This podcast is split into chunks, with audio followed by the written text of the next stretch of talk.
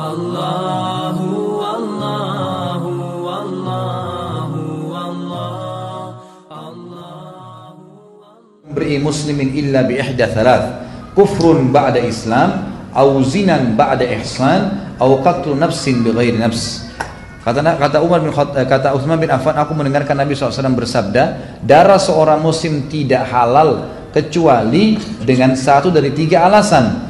Kekufuran setelah Islam, murtad, atau zina setelah pernikahan. Ya, orang kalau sudah nikah, janda atau duda ataupun memang masih berpasangan tapi berzina hukumnya dirajam. Jadi halal, boleh dibunuh, gitu kan? Dikatakan kekufuran setelah Islam atau zina setelah pernikahan atau membunuh jiwa tanpa alasan yang benar. Ini berarti boleh dikisos. Dia membunuh orang memang dengan sebab dendam, marah, emosi, maka itu berarti hukumnya dikisos. Demi Allah, kata Uthman, aku tidak pernah berzina, baik pada masa jahiliyah maupun pada masa Islam. Aku juga tidak ingin mengganti agamaku setelah Allah ya memberiku hidayah kepadanya. Maksudnya aku tidak akan murtad dan aku juga tidak pernah membunuh satu jiwa yang diharamkan untuk dibunuh. Lalu mengapa mereka ingin membunuhku? Gitu kan? Lalu Abdurrahman, eh, lalu Uthman pernah melihat dari atas jendelanya kepada orang-orang di luar berkata, bukankah kalian mengetahui hadis Nabi Shallallahu Alaihi Wasallam ingin membubarkan orang-orang yang demo nih?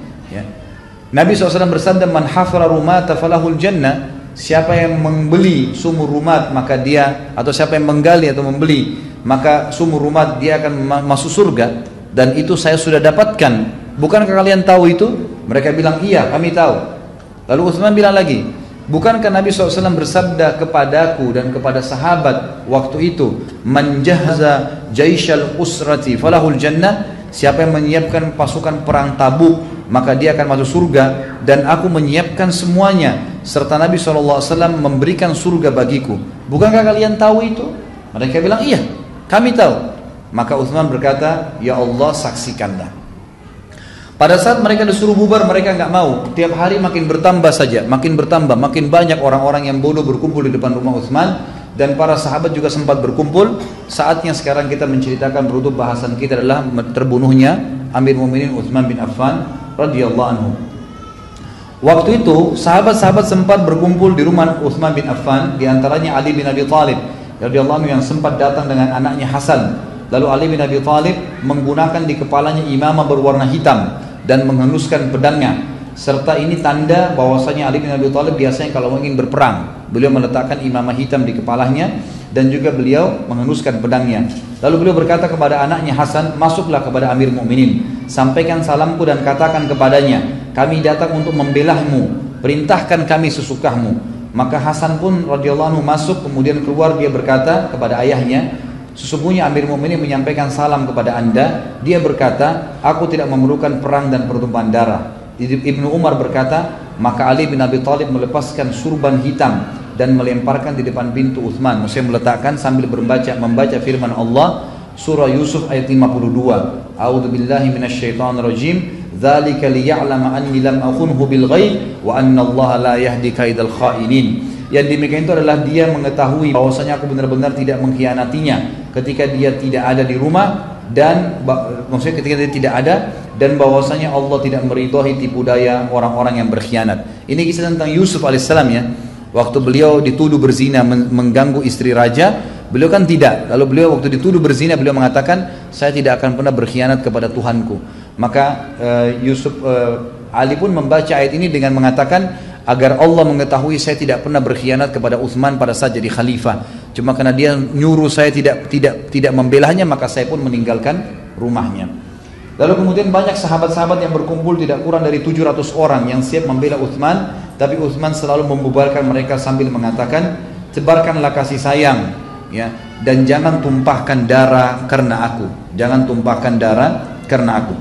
Akhirnya karena para sahabat-sahabat tersebut bubar dan hanya sebagian kecil di antara mereka yang tertinggal, maka akhirnya orang-orang e, Khawarij tersebut berusaha untuk mendobrak rumah Uthman bin Affan.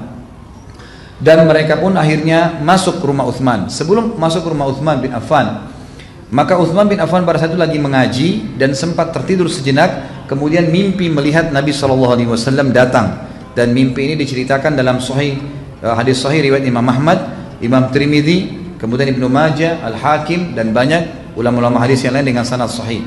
Nabi SAW berkata kepada Uthman dalam mimpinya, Ya Uthman, Inna allaha muqassimuka qamisan, fa in aradaka al-munafiquna ala khal'i, fala talkhahu hatta talqani. Wahai Uthman, sesungguhnya Allah telah memakaikan sebuah baju kepadamu. Maksudnya kau akan dikasih kerajaan oleh Allah. Wahai Uthman, jika orang-orang munafik, jadi hadis ini menjelaskan saksi Nabi SAW menyaksikan atau memberikan berita kepada Uthman bahwasanya orang-orang yang mengepung kamu adalah orang-orang yang munafik.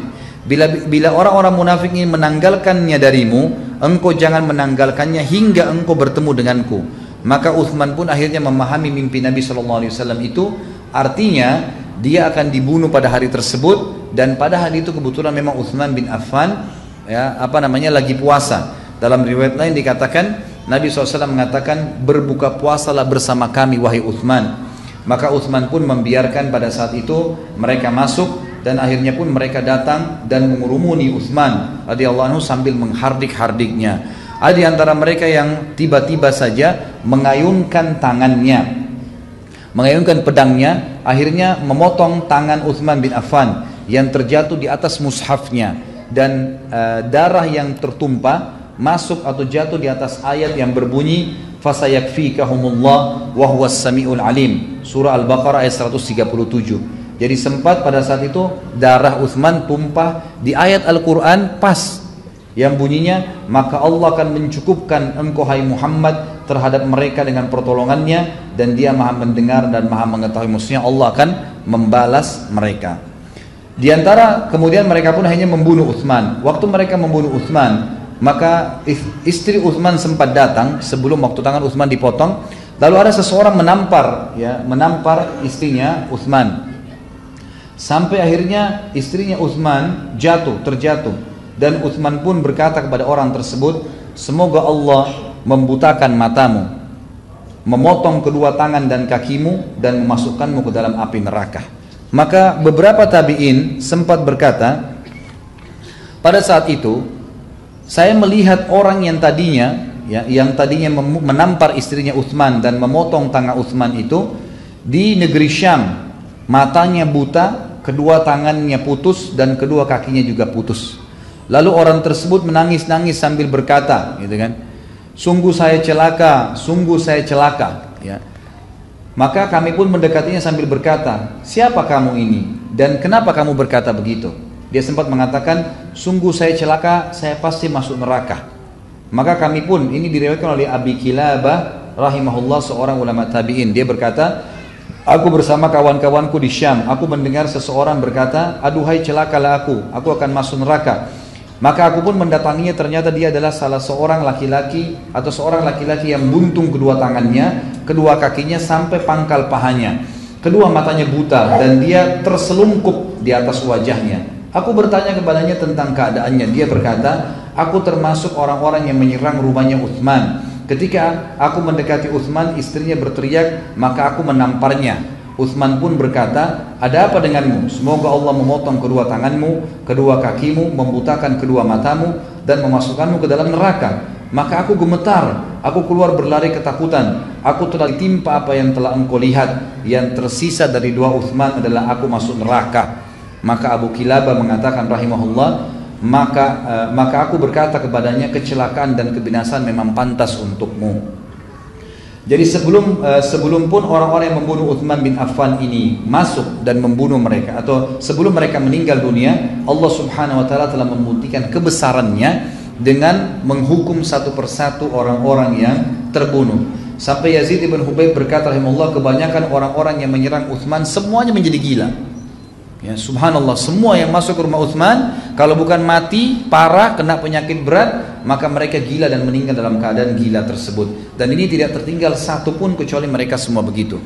Dan akhirnya kita tutup bahwasanya Allah Subhanahu wa taala menutup hidupnya Khalifah Ar-Rashid yang ketiga, Uthman bin Affan radhiyallahu anhu dengan hal-hal yang mulia. Pertama, Allah muliakan dengan masuk Islam. Yang kedua, menikah dengan kedua anak Nabi Shallallahu Alaihi Wasallam. Yang ketiga, berinfak dengan banyak sekali hartanya di jalan Allah Subhanahu wa taala dan mendapat jaminan surga. Yang keempat, menjadi orang kayanya sahabat ya dan mulia hidup di dunia. Yang kelima, menjadi khalifah dan akhirnya memimpin dunia. Yang keenam mengekspansi Islam ke seluruh wilayah-wilayah dan banyaknya orang manusia masuk Islam berarti Uthman bin Affan yang panen pahalanya. Dan yang ketujuh adalah Allah Subhanahu wa taala menutup hidupnya dengan mati syahid. Dari penyebab saja orang-orang itu datang tapi Allah memang ingin mendatangkan mati syahid untuk Uthman bin Affan radhiyallahu anhu.